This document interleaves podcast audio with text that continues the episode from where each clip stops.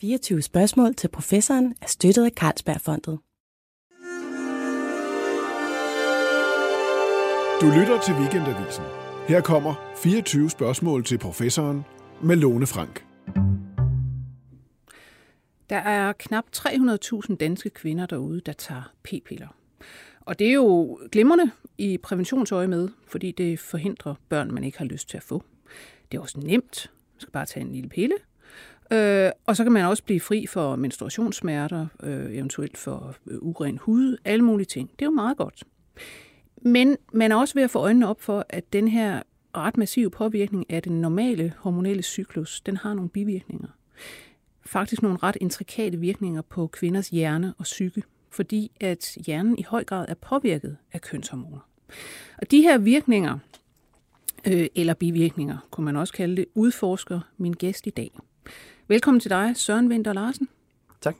Du er læge og phd studerende ved Neurobiologisk Forskningsenhed ved Rigshospitalet. Og du har faktisk øh, lige lavet et studie, som er på trapperne, så vidt jeg ved, af hvad p-piller betyder for virkningen af antidepressive midler. Og det er egentlig ikke så lidt. Prøv at forklare om det studie. Ja, det er nemlig rigtigt. Øh, vi er netop ved at udgive et studie, som, øh, som du siger, undersøger, hvordan øh, påvirker et system i hjernen, det her serotoninsystem, hos en gruppe af kvinder, der gennemgår en depressiv episode. Hmm og hvordan det så påvirker øh, den her behandlingsrespons, når de får antidepressiv medicin. Ja, fordi de her øh, antidepressive midler, SSRI, som vi også kender dem, er, er nogen, der ligesom øger niveauet af serotonin, og det er det, der behandler depressionen. Og hvordan går det så, hvis man er på p-piller, i forhold til hvis man ikke er? Ja, altså det, det vi ser, det er, at eller måske skal jeg faktisk lige starte med at sige hele motivationen til, at vi lavede det her studie.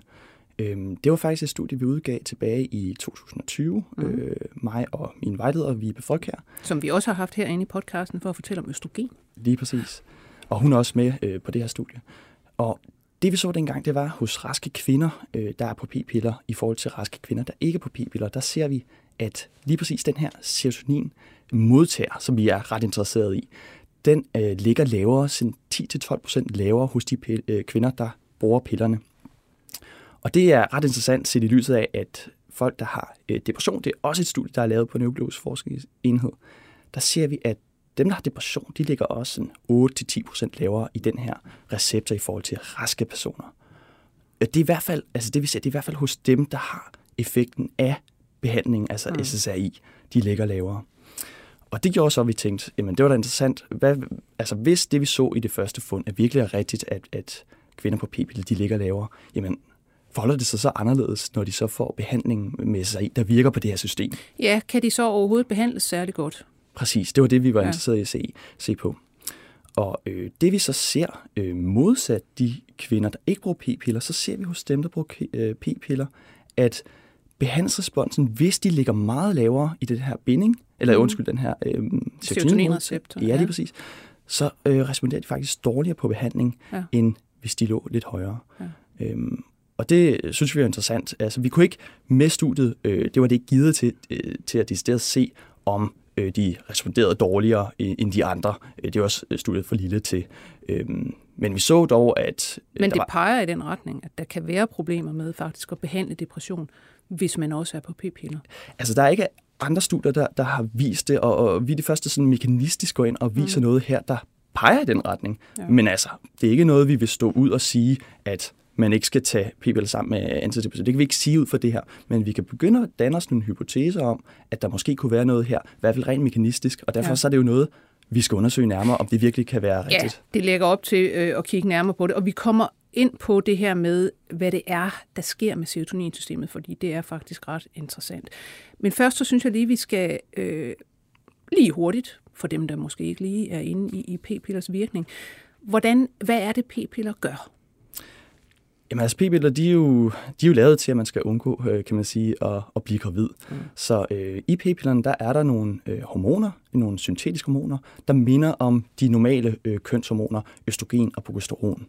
Øhm, og ved at man tager dem dagligt, så får man sådan det, vi kalder et negativt feedback på øh, hjernen, der gør, at den ikke sender signal ned til øh, æggestokkene om, at de skal producere de her hormoner. Så man får, kan man sige, et nedreguleret hormonsystem øh, samtidig med, at man så får de her øh, to syntetiske former for øh, hormoner også. Men du undertrykker især ægstokkenes egen produktion af østrogen, yes, som vi jo altså kender som det kvindelige kønshormon, ikke? eller i hvert fald et af dem. Øhm, og, og, og man kan vel sige, at det du så befinder dig i som kvinde, det er en, en tilstand, hormonel tilstand, som om altså lige før menstruationen. Sådan ligger du stort set hele tiden i profil. Altså ja, det kan man sige. Lige før menstruation, der har du faktisk, der går du igennem det, vi kalder den luteal fase. Der ligger du faktisk både højt progesteron og østrogen. Øhm, men det er faldet der, mm. hen mod menstruation. Det er nemlig rigtigt. Så går du øh, dybt ned, og så får man menstruation. Og det er rigtigt, der kan man godt sige, at man minder om lidt om det. Ja, og det er, jo, det er jo også det, der på en eller anden måde, kan man sige, er nøglen til det, vi kommer til at tale om. Med, hvad er det så for en tilstand, man i det hele taget kommer i? Mm. Når man hele tiden er i denne, hvad skal man sige, hormon undertrykkende, øh, hvad det hedder, tilstand. Men før at vi snakker om de her virkninger på øh, det psykiske og så videre, så mm. øh, lad os også lige tage p-pillens historie, fordi der er jo en grund til, at der er 300.000 danske kvinder, der tager det her, og at det stadigvæk er det er sådan naturlige, kan man sige, første valg for rigtig mange unge kvinder. De går hen og får udskrevet det her, når de skal til at være seksuelt aktive.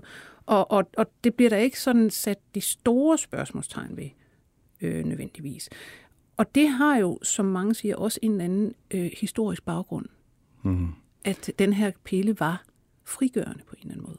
Lige præcis. Den kom jo, altså den er jo, kan man sige, symbolet på den her kvindefrigørelse, der var der øh, i 60'erne og 70'erne. Mm. Da den kom på markedet, øh, kan man sige, der var en kæmpe et behov for det, fordi kvinderne, de øh, gik derhjemme og, kan man sige, øh, gennemgik den ene graviditet efter den anden, og kunne ikke tage den karriere, de måske gerne vil. Øh, så øh, der var en efterspørgsel, og det var... Øh, der var heller ikke fri abort, skulle man lige sige. Der var heller ikke fri abort. Faktisk var det sådan, da de begyndte at forske i p-pillen der i 50'erne, øh, der var det faktisk ulovligt at forske i prævention i USA og Canada øh, fra, fra lovens side. Øhm, så det, man, man dækkede det ind over, det var, at man forskede i fertilitetsbehandling eller, mm. eller menstruationssmerterne. Ja. Så da pillen kom på markedet i jeg tror det var 1957, den blev godkendt første gang, der var den ligesom indikation for at, at få den, det var, at man skulle have menstruationssmerter og ikke prævention. Ja.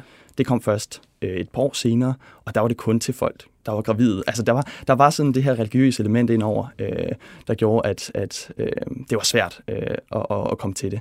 Men det var klart, det var en, en, en stor del af den her kvindefrigørelse. Det var jo også, altså det var en pille, men øh, i nogle feministkredse dengang, de tidlige feminister jo altså, øh, lavede kampagne for at få. Altså, nu, må, nu må vi fandme øh, have vores seksualitet afkoblet fra det her med evigt og altid og, og, og hvad det hedder, øh, tænke på uønskede graviditeter.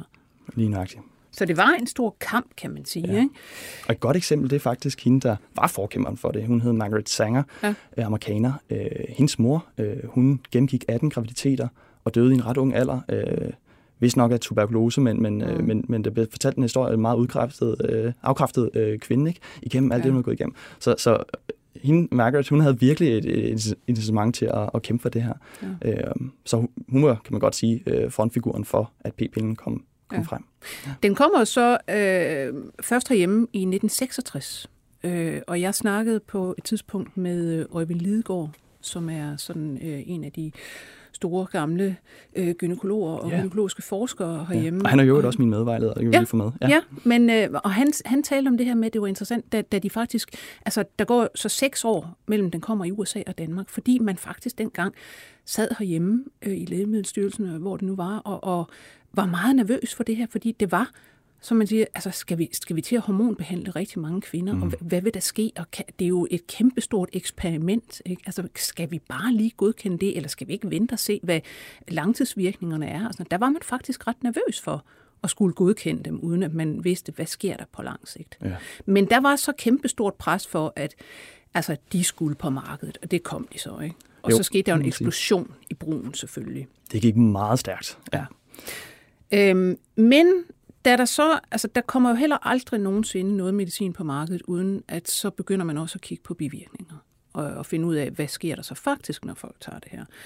Og i starten var det jo, altså, ja, der var det vel kræft og blodproprisiko og sådan noget, man har set på, typisk. Lige præcis. Altså, øh, netop det, du fortæller, man øh, 66 begyndte at være lidt urolig i Danmark, var fordi, at man begyndte at se øh, op igennem slut 50'erne og start 60'erne, at der blev meldt en masse bivirkninger. Mm. Og øh, for at det ikke skal være løgn, så øh, mange af de her kvindebevægelser, de øh, måtte jo så stå op igen, fordi at øh, de følte, at kvinderne var forsøgskaniner i det her store Ja. eksperiment, fordi de, øh, pillerne blev ligesom øh, kastet rundt på den måde. Mm. Øhm, og der blev rapporteret bivirkninger. Øh, meget, det, der har været fokus på, det er det her med blodpropperne, især i starten der. Ja. Og øhm, det blev ikke taget seriøst nok, øh, og, og der, det tog altså noget tid før, at, at, at man tog det alvorligt. Øh, I slut 60'erne begyndte man at, at indse det. Øhm, og, øh, men det, der skulle ligesom den her bevægelse faktisk lidt til igen, Ja. at, at man blev så opmærksom på det, at man så igennem 70'erne begynder at optimere pillen, øh, så man går ned i dosis. Altså de piller, der var i starten, de var meget høje dosis. Der snakker vi milligram af, øh, af de her syntetiske hormoner, til Ja. vi i dag snakker mikrogram. Wow. Så der skete virkelig en udvikling. ja, det, Øhm, det er tusind gange mindre. det er tusind gange mindre, ja. Ja. Øh, og det der øh, ligesom, øh, hvis man ser på litteraturen tilbage i 70'erne, og man læser den, så, så det, der falder i øjnene, det er, at man faktisk har et eller andet form for konsensus, øh, mere eller mindre i hvert fald, om at p-pillerne, de altså også havde nogle andre bivirkninger end bare de her blodpropper og, og kræft, mm. at det også påvirkede psyken. Øhm, Så det var der faktisk helt tidligt. det var der helt tidligt. Da vi havde de højdosespillerne, der var synes jeg godt, man kan man ane, at der var en anden form for enighed om det. De fleste studier pegede på det dengang. Var det humør, man tænkte på der? Det var humøret, ja, ja det var det. Humørsvingninger, depression. Lige præcis. Og også den seksuelle lyst, den blev også ramt. Ja. Øh, ja. Og øhm, det, øh, det kan man så se nu. Det, der er et studie, jeg tror det er i måske i start af 90'erne, der er faktisk sammenlignet overgangen her fra de højdosis til, til de lavere dosis, vi kender mm. bedre i dag, og kunne se, at, at der var mindre effekt øhm, på humøret og den seksuelle lyst, så man begyndte måske lidt at, at, at glemme det lidt igen. igen. ikke? Altså, øhm, så, så ja. Øhm, Vi, vi har løst problemet, aktivt. Lige præcis. Så, så det fik ikke så meget opmærksomhed i en årrække, og, og de studier, der blev lavet op igennem 90'erne og måske 2000'erne, de øh, viste øh, ikke rigtig noget tydeligt. Det var sådan lidt tvetydigt. Altså, de gik i den ene eller anden retning, mm. om de altså øgede risikoen for at få depression eller øh, Ja. ja. depressive symptomer i hvert fald. Ja. Øh, så, så, så det var ikke sådan, der var ikke helt konsensus om det øh, i den periode. Men Så det har man jo meget altså, glemt i, hvad skal man sige, i, i øh, blandt brugere i virkeligheden. Ja, det det er ikke man- noget, der har været oppe, man har talt sig og, meget om. nej, lige præcis i, i, i, og i medierne på den måde. Det har været lidt tunet ned i en periode. Ja. Og, og formentlig også af gode grunde, fordi der var nok færre bivirkninger til de her lavere dosis piller. Ja. Men så kommer vi op igennem tiden, og i dag der har vi nogle nye værktøjer øh, i form af vores register. Øh, især her i Danmark og i Sverige, der har vi nogle rigtig gode registre, hvor vi kan gå ind og se på øh, populationsstørrelser af data. Øhm, Ja, hvor man kan få altså 100.000 vis af lige mennesker. præcis millioner af mennesker med ja. i det. Ikke? Ja. Ja. Altså noget af det, der, der vel egentlig, hvor det her med øh, interessen skifter igen til det, til det psykologiske, det ser man blandt andet igen med Øjmen Lidegaard faktisk, der Ja. kommer med et studie i 2016, Lige nøjagtigt. og prøv at forklare lidt om det. Ja, og det er netop det, vi kommer til nu, fordi han brugte jo så det her registerstudie øh, over øh, faktisk øh, alle kvinder i Danmark i alderen 15-34 år, mm. hvor han øh, følger dem øh, fra, at de starter på øh, et eller andet form for hormonel prævention. Det kan være p-piller, det kan være minipiller, øh, hormonspiraler, der er plaster og diverse. Mm. Og følger dem ind til at se, om de får en depressionsdiagnose, eller de får eller de starter øh, på antidepressiv medicin. Ja. Og det er ligesom det er den måde, vi kan måle på depression i registerne. Vi kan jo ikke gå hen og spørge dem i et register, hvordan har du det? Nej. Så det er jo måden, man målte det på. Og det er jo ligesom øh, det sidste øh, altså udfald, det er jo, at de ender med at få en så kraftig depression, de skal i behandling for Ja. det, eller er på sygehus og få Ja. en diagnose. Ikke? Jo. Så er der alt det, der ligger imellem. Det kan vi så ikke måle på i registerne. Nej, men det er i hvert fald, hvad skal man sige, så det her, det er minimum, øh, minimumstallet, Ja. kan man sige. Der er sikkert et mørketal, men det her, det er minimumstallet. Og, og han viser jo så, at med p-piller, i forhold til ikke nogen hormonel øh, prævention, mm. så er det noget med, at, at risikoen er næsten fordoblet. Ikke? Jo, det kommer lidt an på, hvad for nogen du, øh, nogen du ser på, øh, mm. men, men jo, den, den relative risiko, den er Ja. om, fra 1 til 3 til 2, afhængig af, hvad du ser på. Ja. Hvis man ser på de sådan, rå tal, det han viste, det var, at risikoen for at få en, øh, eller starte på antidepressiv medicin, øh, blandt 1000 kvinder, der bruger en eller anden form for hormonel prævention, altså hvor de mixer det hele sammen, den stiger cirka med 5 personer ud af 1000 kvinder om året. Ja. Og det er jo så de rå tal, uden man tager højde for, Ja. at de her kvinder kan jo godt være forskellige i, i, mm. i deres øh, baggrund, der gør, at de kan være mere disponeret for depression. Ja. Så man kan godt sige, okay, i, i, øh, i reelle tal er det måske ikke så frygtelig mange, men det er dog næsten en fordobling af, af risikoen. Han så også en stor virkning på, på antallet af selvmord, faktisk. Ja, dem så, heldigvis er det jo ikke så mange. Nej, øh, det er så men et der meget lille også, tal, men ja. der, ja, det er også en meget, meget, meget uheldig bivirkning. Kan Det må man sige. sige. ikke? Det er meget alvorligt, og derfor skal man virkelig tage det seriøst. Ja. Øhm, men, og at vi ser det, det gør, at, at vi skal have fokus på det her. Ikke? Mm. Øh, heldigvis så drejer det sig ikke om så mange. Ja. Men, øh, Men der er så også ved at være øh, en, altså en stor vending nu med hensyn til at øh, forskning i, hvad gør de her øh, hvad det hedder, øh, hormonelle præventionsmetoder, især øh, p-piller, hvad gør de ved psyken og ved hjernen. Ja. Og det er jo selvfølgelig fordi, at altså, hjernen er jo, hvad skal man sige, nu tænker man jo mere på øh, kønshormoner som noget med, øh, hvad det hedder, gonaderne og, og, og hele det der, men hjernen er jo prophamrende fuld af receptorer for kønshormoner. det må man sige, det er det, ja. Det er, de er med til at, at, at danne os øh, som personer, så derfor så er det rigtig vigtigt, og, og derfor så er det også øh, måske ikke så underligt at tænke, at mm. det kan forandre nogle ting, hvis vi begynder at behandle med hormoner og ændre på det her system. Øh, og det har man også set på øh, inden for de sidste årrække. Der har man set på øh, faktisk nogle ret fine randomiserede studier, mm. øh, hvor man også øh, har placebo med, og, og de er blindet over for, hvad de får. Så derfor så stoler man også lidt mere på øh, Ja. det, de, ligesom, øh, de, de beretter, at de oplever. Øhm, fordi, bare lige for at runde øh, Øjvinds af, altså det her med registerstudiet, der er også nogle kritikere af det, kan man sige, mm. der siger, jamen de kvinder, der tager p-piller, det er jo også måske nogen, der har en anden risikoadfærd osv., osv., der gør, at, de kan, at det er det, der gør, at de får depression, og ikke så meget pillerne. Og det kan man jo godt øh, diskutere. Øh, men man skal så se det i, i lyset af, af, af de mange studier efterhånden, der er kommet, der peger i den retning. Og så de her randomiserede studier, der prøver at gå op for, at hvis man randomiserer og giver placebo, og man giver det aktiv, så fjerner man ligesom de her bias eller confounders, ja. der kan ligge i, i, i de der registerstudier. Ja. Og der ser man ikke decideret depressionsudvikling, fordi det er heldigvis heller ikke så hyppigt, eller, mm. øh, at, at vi ser dem. De her studier, de er lavet på cirka 300 kvinder. Der er en fire, der er kommet ud inden for de sidste årrække. Ja. Og de ser, at øh, kvinderne de oplever en ændring i deres humør, de får humørsvingninger, de oplever Ja. måske mere irritabilitet, nedsat ja. sexlyst og sådan Ja. nogle ting, men ikke decideret depression, og det er på et, lad os sige, en effektstørrelse. Mm. Der, kan- man, man kan diskutere, hvor meget klinisk der er i det, det vil sige, de vil nok aldrig møde en kliniker. læge, Ja, nej. præcis, fordi de vil ikke gå til læge med de problemer. Men, men de er har det bare lidt ringere. de har det bare lidt ringere. Det er de her subkliniske effekter, som, siger, som faktisk er netop ved at få øh, altså meget opmærksomhed. Jeg stødte selv ind i det. Jeg skal sige, jeg, jeg har aldrig nogensinde taget p-piller. Jeg fik mig bare en, en spiral som 19-årig, og så har jeg kørt med det siden, og det har været fint.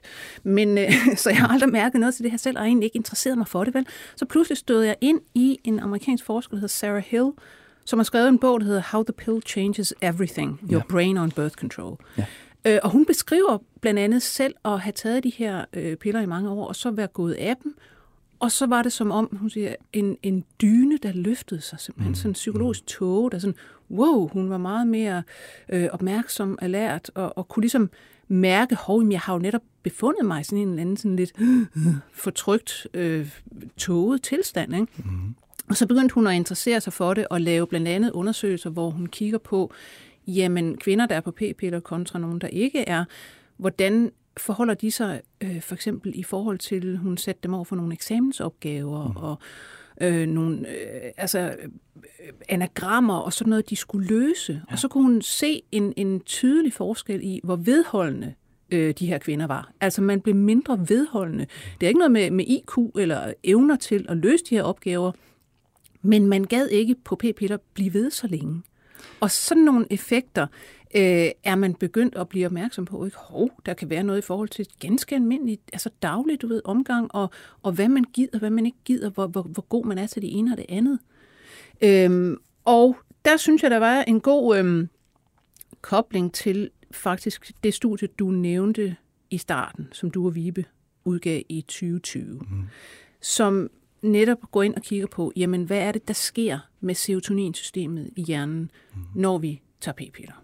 Altså, og det I fandt var en, en særlig receptor for serotonin, 5-HT4 for aficionados. Den var øh, meget nedsat i bestemte områder af hjernen med p-piller. Ja, faktisk i mange store dele af hjernen så vi det. Ja. Og, og det kan man sige, at den mindre kapacitet af, af den receptor gør måske, at de er øh, mindre fleksible, øh, når... Ja, fordi nu skal jeg lige sige, der, altså, der er jo en, et helt udvalg af serotoninreceptorer, mm. der hedder forskellige ting. Denne her er så interessant, fordi som du siger, den har noget med vores kognitive fleksibilitet at gøre. Lige nøjagtigt. Der er nogle studier, der viser i hvert fald i både rottestudier og også enkelte menneskestudier nu, der viser, at hvis man aktiverer lige præcis den her receptor, der er sådan nogle pro-kognitive effekter øh, på hukommelse og sådan ting. Øhm, ja, og, og man har også set øh, i musestudier, at der faktisk er en antidepressiv eller, eller øh, skal man sige, angstdæmpende effekt på den. Øhm, ja. Så det vi, vi i hvert fald tænker med, at, den, at det her det er lavere, det gør måske, at de, har en, øh, de er lidt mindre fleksible og har mindre kapacitet, mm. når vi snakker de her kognitiv, altså en kognitiv fleksibilitet. Men som du rigtig nok starter med at sige, og det synes jeg er en rigtig vigtig pointe i forhold til det med Sarah Hill, det hun viste i det mm. studie, hun lavede der, det var, at vi ser ikke nogen forskel i kognitiv evner, Nej. altså på den måde med intelligens. Man bliver ikke dummere. Man bliver ikke dummere af at tage pille. Det er der i hvert fald ikke noget i alt den viden, vi har lige nu, der tyder på. Tværtimod, så er der måske endda nogle studier, der viser, at de har en lille smule bedre hukommelse, det der hedder verbal hukommelse, mm. men det er altså ikke noget, der er bekræftet i nogle særlige øh, store studier endnu.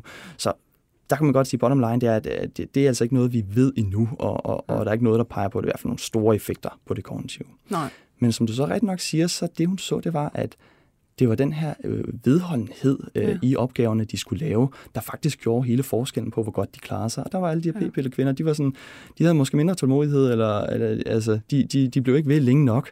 Øh, og det der med at holde fokus, for at holde interessen op i længere tid, er måske i virkeligheden et af de øh, steder, vi øh, altså nu er ret interesseret i at, ja. og, og, og finde ud af, hvad, hvad det handler om, øhm, og, og om det også afspejler noget af det her, vi ser i, i det psykiske. Ja. Øhm, fordi når vi nu snakker alt det her subklinisk, hvordan mm. påvirker pillerne der? Der er et studie, der har vist, at når kvinderne de bliver øh, udsat for nogle situationer, øh, der skal ligesom fremme nogle følelser, øh, og de bagefter så skal øh, ligesom berette, hvad følte de her inden for det både det negative følelsesspektrum og det positive mm. følelsesspektrum.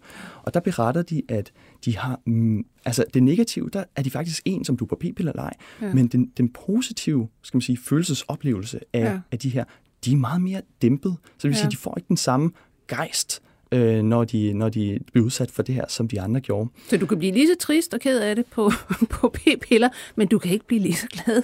Mås- måske i virkeligheden det, ikke? Altså, ja. Fordi vi snakker meget, altså de studier, der har været gennem tiden, har været meget fokuseret på det depressive. Ja. Øh, og det er måske endestadiet, fordi hvis du igennem længere tid ikke kan blive ja. højt nok øh, stimuleret eller glad ja. Ja. Øh, for det, du ligesom møder i dine omgivelser, jamen så kan det da godt udvikle sig til, at du bliver trist, og i sidste ende måske en depression. Måske det virkelig mm. det, ikke? Ja. Øhm, og så det er sådan i virkeligheden mangel på positive stimulation. Ja, det kan man godt sige.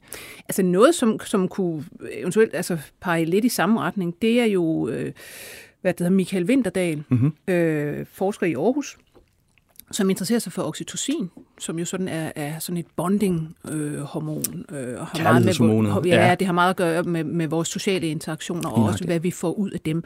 Han har fundet, at øh, ved p-pillebrug, der får man ligesom et øh, kronisk forhøjet niveau af oxytocin. Og som man siger, så det lyder jo umiddelbart meget godt. Wow, masser af kærlighedshormon. Ikke? Det går man rundt lidt på ecstasy, men det gør man faktisk slet ikke, for igen, det handler om, at du ikke er særlig fleksibel længere. Så, så det der med, at jamen, du møder nogen, du skulle få et skud oxytocin, og derved have en, du ved, en positiv oplevelse, den kommer måske ikke rigtigt, fordi altså, der ligger bare sådan et, et kronisk niveau, som, som er for højt på en eller anden måde. Lige nøjagtigt, og det der kroniske forhøjet niveau gør måske, at de er mindre sensitive over for udsvingende, som vi siger. Ja. Så det der med, at de bliver mindre øh, dynamiske. Så når de øh, møder deres partner og øh, har en, for eksempel en fysisk kontakt, så er det, at oxytocin normalt det vil stige. Mm. Øh, og, og det giver nogle effekter, øh, sørger for, at folk de, øh, de binder sig følelsesmæssigt til hinanden. Men hvis den er øh, ramt af det her, at de ligger kronisk højt, øh, det vil jo være øh, en trist bivirkning til en p-pille, må man sige. Ja. Og der er faktisk nogle studier, der viser, at hvis man sammenligner øh, oxytocin-niveauet hos kvinder, både på p-piller og ikke på p-piller, og så øh, udsætter dem for øh, nogle stimuleringer i form af billeder af deres partner, eller af et, et hvilket som helst andet menneske, de ikke mm. kender. Øhm, så ser man, at aktiviteten i nogle bestemte områder i hjernen, altså man laver nogle hjernescanninger mm. samtidig med, at man viser det her, de øh, bliver aktiveret øh, i nogle af de her følelsesreguleringscentre, øh, blandt andet ja. en, der hedder amygdala, og, og den bliver aktiveret øh, på øh, en måde, der afhænger af det her oxytocin-niveau. Men det interessante er så, at hvis du giver et ekstra skud oxytocin, hvilket kunne tilsvare, hvis du havde en eller anden form for øh, bonding, fysisk kontakt, Ja, hvor vi normalt kommer har en eller anden, du virkelig godt kan lide. Altså, uh, Lige nøjagtigt. Ja. Ja. Eller øh, også, øh, når du, ser dit, øh, når du sidder med dit barn, der ja. Ja. har du også et, øh, en, Ja. ja. en kontakt, der gør, at du får en øget oxytocin. Men når man så giver det her, hvor man øger oxytocin, det gør man via sådan en næsespray, øh, så ser man, øh, man ser den her øgning i oxytocinen, men den der aktivitet i de der centre i hjernen, den er ikke lige så høj Nej. blandt dem, der er på p-piller. Det vil sige, de responderer måske ikke lige så godt på det. De, Nej. der, skal, der skal mere til at, Ja. og, øh, hvad skal man sige, øh, det passer jo godt med, med den der øh, Sarah Hill-observation af at befinde sig lidt i en tog. ja, lige nok det. Man er simpelthen ja. bare lidt, også lidt følelsesupprimeret på en eller anden Ja, måde. ja, præcis. Altså, men, men hvor, altså, hvor, hvor, hvor store er de her bivirkninger nu på, altså nu er, kan vi jo snakke om, om, om p-piller, men der er jo også andre former for, altså p-stave, p-ringe, alt sådan noget, Mhm. mm-hmm. forskellige hormonindeholdende prævention. Er, er det det samme, eller er der nogen, hvor det er mindre end, end Altså end når man ser på de her øh, store registerstudier, så tyder det på, at effekten ser vi simpelthen ved dem alle sammen. Mm. Øh, og endda måske tendens til mere hos, øh, hos de her, der kun har progesteron i sig. Ja. Øhm, så det er noget bredt, vi ser.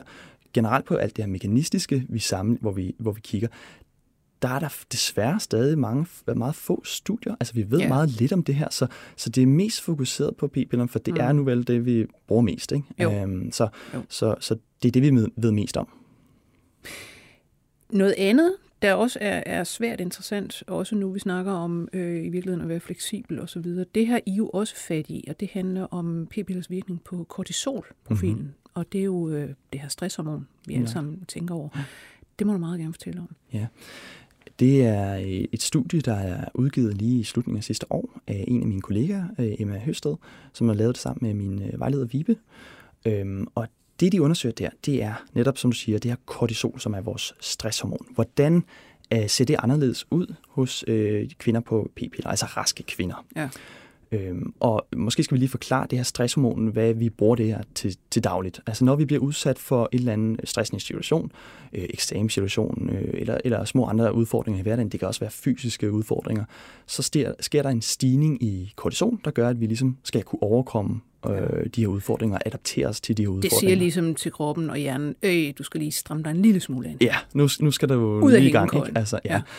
Øhm, problemet er så, hvis du øh, har en konstant, øh, hvis du er i en sådan kon, konstant kronisk tilstand, så øh, begynder den her mekanisme at slå lidt ud og blive sådan det, vi kalder dysreguleret. Øh, den, øh, man ser også ved depressiv, man ser, at de ligger øh, højere i sådan gennemsnit i kortisol igennem en dag, Mm. men de er svære ved at blive øh, opreguleret igennem de her, sådan, når de bliver udsat for noget stressende. Ja. Øh, Og det gør måske, at de, de er svære ved at, at adaptere sig og, og handle i de situationer. Øhm, og i virkeligheden er det nok et, et, et, et billede på, at de, er, at de ikke er sensitive på samme måde, Ja. øh, fordi de ligger der højt hele tiden. Det kan jo i virkeligheden øh, igen pege tilbage på den her situation med, at du er ikke særlig vedholdende, når du står i en eksamenssituation Mhm. mm-hmm. eller, eller hvad, fordi jamen, du får simpelthen ikke det samme, altså den der indre, åh, nu skal jeg eddermame gøre Lige noget nøjagtigt, her, det ikke? kunne man tænke sig, Ja. ja. præcis.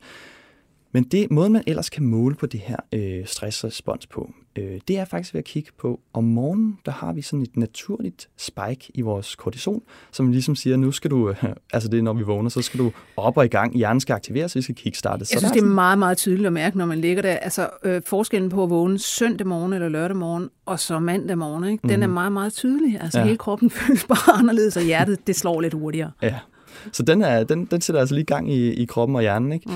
Og, og det kan man bruge som øh, et mål for, for det samme, som at blive stimuleret, måske som øh, vinder stressen. Ikke? Ja. Og, og øh, det Emma og Vibe de så så på her, det var, øh, hvordan lå det her morgenrespons i vores stresshormon øh, anderledes hos p-pillekvinderne i forhold til øh, raske kvinder uden p-piller. Ja. Og det de så så der, det var, at de ligger altså meget fladere. De får ikke den samme øh, høje spike, mm. øh, som, som øh, man ellers vil se. Øhm, og, og det er jo, kan man sige, parallelt til lidt det, vi ser ja. Ved kronisk stress og, og de depressive. Men, Ja. men som du siger, det kan være, at altså det der med, at de ikke er reguleret lige så vel, og de er ikke mm. Mm. lige så dynamiske, og det er det, der afspejler sig i både det her psykiske element, hvis man ikke oplever øh, den samme øh, glæde ved stimuli, og, Ja. og det her med ved- vedholdenhed. Altså Ja. generelt det med at holde en interesse og begejstring for noget. Det kan Ja. være, det er det, der bliver påvirket Ja. øh, af de hormonakser, vi snakker om. Nu Ja. både oxytocin og kortisol, vi har været inde på ja, her. Ikke? det peger ligesom alt sammen i samme retning, ja. når vi nu sidder her og taler om det. Ja. Øh, jeg tænker udenbart, kunne det ikke være interessant at lave simpelthen et, et stort registerstudie, der, der kigger på øh, p-piller og så øh, for eksempel altså stresssygemeldinger, øh, behandling for stress? Jo. Det kunne man jo, der kunne man jo hurtigt lave nogle, nogle dataudtræk og mm. egentlig se, hvordan indvirker det på, på det. Jo, det, det lyder som en interessant studie, Lone. Det kunne vi da ja. godt uh, se, om vi skulle sætte op. Hvor vi får uh, de data fra, det, det er jeg ikke helt bekendt med, men det, det tænker der må være muligt i vores register. Ja, fordi der er, jo, der er jo ligesom du kan se, jamen nogen er behandlet med, med SSRI-præparater, mm. øh, så kan du også se, jamen har de for eksempel, er de kommet til deres læge formentlig for for stress? Ja. Er de blevet behandlet på en eller anden måde? Har de haft en stresssygmelding? Det, det går jo ind i de samme øh, ja, register. Ja, lige præcis. Fra, ikke? Alt det, der foregår ved egen læge, mm. det er lidt svært at måle på, medmindre det er udskrivelse af medicin og sådan nogle ting. Øh, hvis de laver henvisninger derimod, øh, så kan vi begynde at, at, finde det i ja. vores register. Øh, øh, og hvis de har kontakt med sygehusvæsenet, så er det, vi begynder at kunne sådan nogle ting, der er. Mm. Ja. Interessant. Så kommer jeg til at tænke på øh, det her med hvornår man får p-piller. Nu har vi jo talt om, om altså, dem, der tager p-piller, øh, og, og nu ved jeg ikke, hvad er der nogle, nogle særlige aldersgrupper, I undersøger i det her? Altså er, er det, lad os sige, altså, nogle af 30-årige kvinder, øh, når I laver sådan nogle studier her, eller hvad? Altså, vi er jo i gang med et nyt studie, hvor mm. vi øh, netop prøver at eftergå noget af det, vi har fundet i de her to studier, vi snakker om i starten, øhm, fordi vi gerne vil have det bekræftet i et ordentligt studiedesign, så vi kan sige det med mere sikkerhed. Ja. Øhm, og der er vi nede og snakke. Vi vil gerne have fat i nogle af de unge kvinder, sådan 18 til 25 år. Ja. Vi går ikke længere ned end 18, fordi at, øh, vi arbejder med noget radioaktivitet, og, og det ja. kræver helt særlige godkendelser, hvis man skal have det. Øh, i, og i, informeret samtykke. Også lige nøjagtigt. Men, men det er rigtigt, det her med aldersgruppen er virkelig interessant, når vi snakker p-piller, fordi vi kan vende tilbage til det her studie, Øjvind lavede, der viser han, at sammenhængen, sammenhængen mellem at, at starte på antidepressiv eller få en depressionsdiagnose, den er altså størst hos de helt unge, mm-hmm. øh, frem for når vi kommer op i 20'erne. Øh, og det samme ser man i nogle andre registerstudier fra Sverige. Det er, ja. De ser også, at det er de unge, der er udsat. Det skal ja. lige siges. Og det er en meget vigtig pointe, når vi snakker alt det her forskning, der er lavet på p-piller, det er, at der er en tendens til, at man, og det, det er noget, jeg tror, de fleste er enige om, at når kvinder starter på p-piller, så er der rigtig mange, der stopper igen inden for relativt kort tid. Og, og grund til det, øh, det er, jeg tror, det er op mod øh, 20 procent efter tre måneder, der faktisk okay, stopper. det er jo alligevel en del. Og cirka 10 procent af dem, de siger, at grunden til, at de stopper, det er, fordi de får psykiske bivirkninger eller får nedsat seksuel lyst. Okay. Så det vil sige, at mange af de her studier, øh, der ender de kvinder, der stopper jo over i den anden brøg, kan man sige. De ender mm. over i dem, der ikke bruger p-piller, og derfor ja. så, så ser man måske nogle mindre effekter. Og det gør vi især hos de ældre grupper, fordi at vi ikke har data nok til at gå længere tilbage til at se, hvornår de i virkeligheden start, hvornår startede de første gang. Ja. Fordi vi er begrænset af de register, vi nu har. Øhm. Men noget ret interessant, synes jeg, er, øh, jeg læste om en øh, amerikansk forsker, øh, Christine Andel, ja. som øh, har kigget på det her med depressionshyppighed, men faktisk hos kvinder, altså hun har kigget på sådan, øh, hvad der hedder, midalderne kvinder, og så spurgt dem, øh, hvad der hedder, fik I forbigående eller midlertidigt øh, p-piller som helt unge, eller gjorde I ikke? Ja. Og der kan hun se, at der åbenbart er en eller anden øget følsomhed i forhold til at få depressioner senere i livet, hvis man, også selvom det kun var forbigående, har fået p-piller i, altså der i, i netop øh, altså teenagealderen. Ikke? Så det siger jo et eller andet om, jamen, kan man være med til med de her p-piller øh, at omprogrammere systemet, eller altså sensitivisere øh, nervesystemet på en eller anden måde? Ja, ja lige nøjagtigt. Øh, det er, det er rigtig vigtige, øh, vigtige studie, der er lavet der. Der er også et i Holland, der også undersøger netop hos de unge.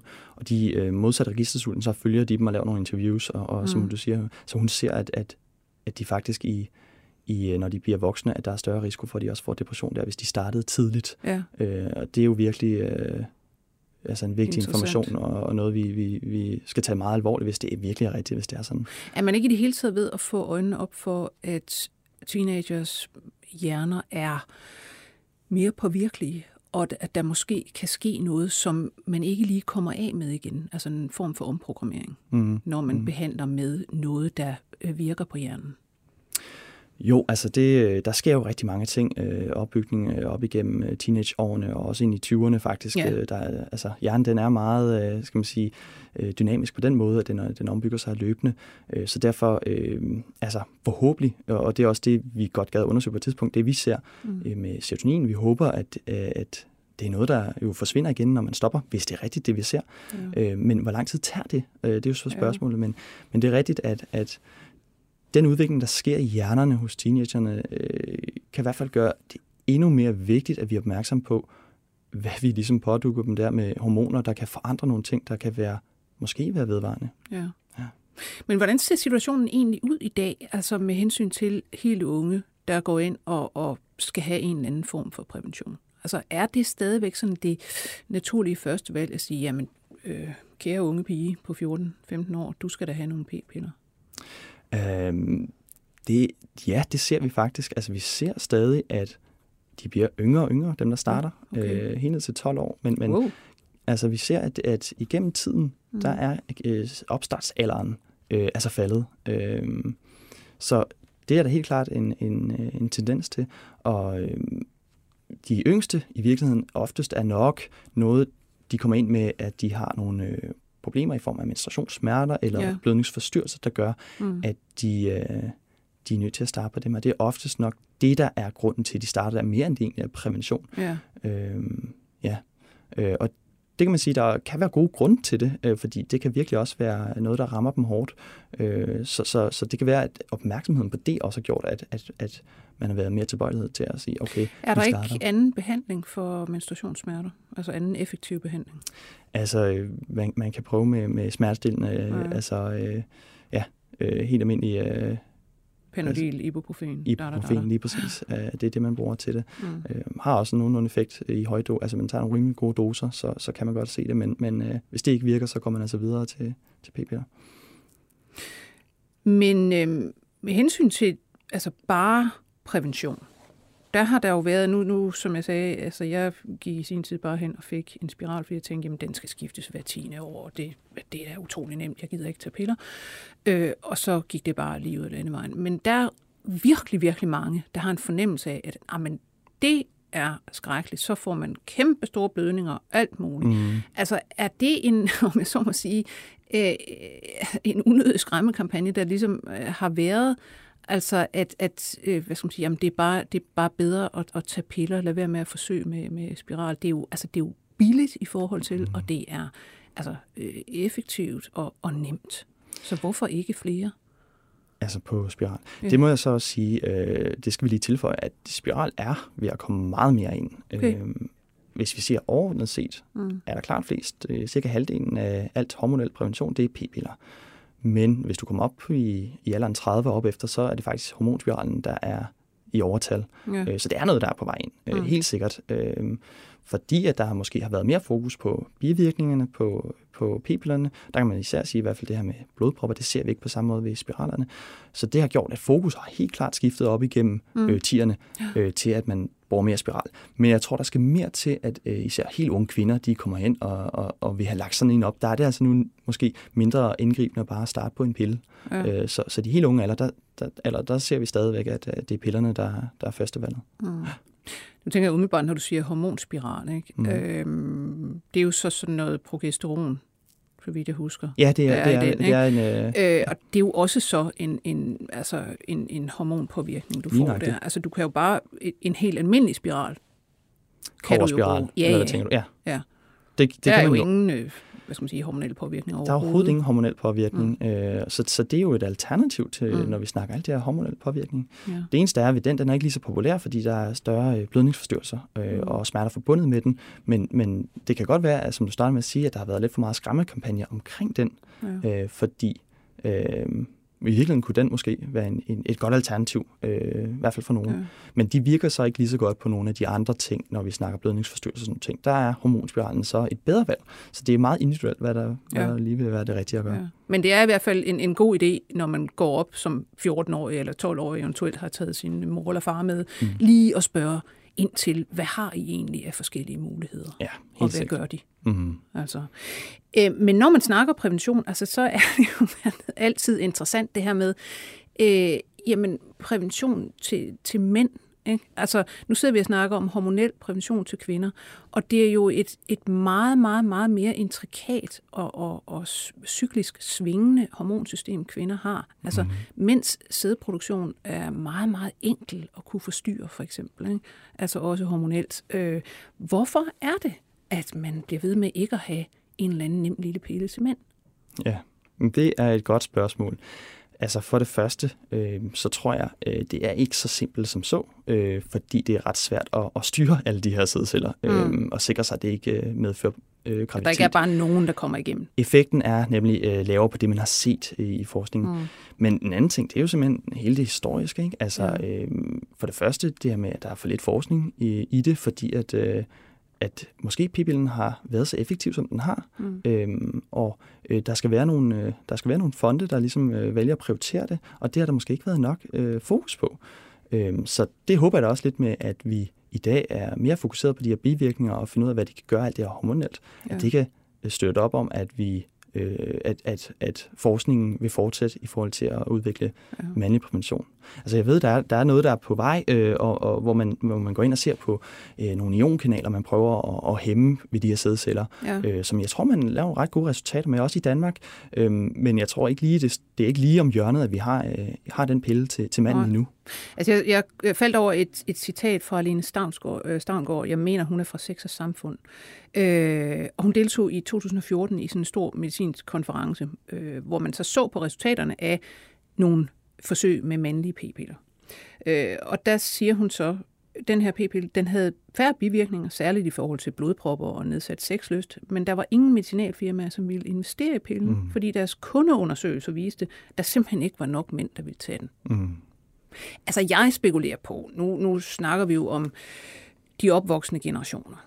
Øh, og der er hele tiden holdningsforandringer i gang. Altså, jeg kunne da forestille mig, at kommende generationer af mænd, de er simpelthen mere interesserede i at kunne beskytte sig selv også. Mm. Altså det der med, at jamen, det er ikke bare kvinden, øh, der vil beskytte sig mod at blive gravid. Altså, øh, mænd kunne også have en selvstændig interesse i, at kvinder ikke bliver gravide og, og kommer og siger, ved du hvad, jeg, har, jeg vil egentlig have barnet. Ja, jamen, altså, Efter et eller andet one night stand. Ja. Jeg, jeg tager den.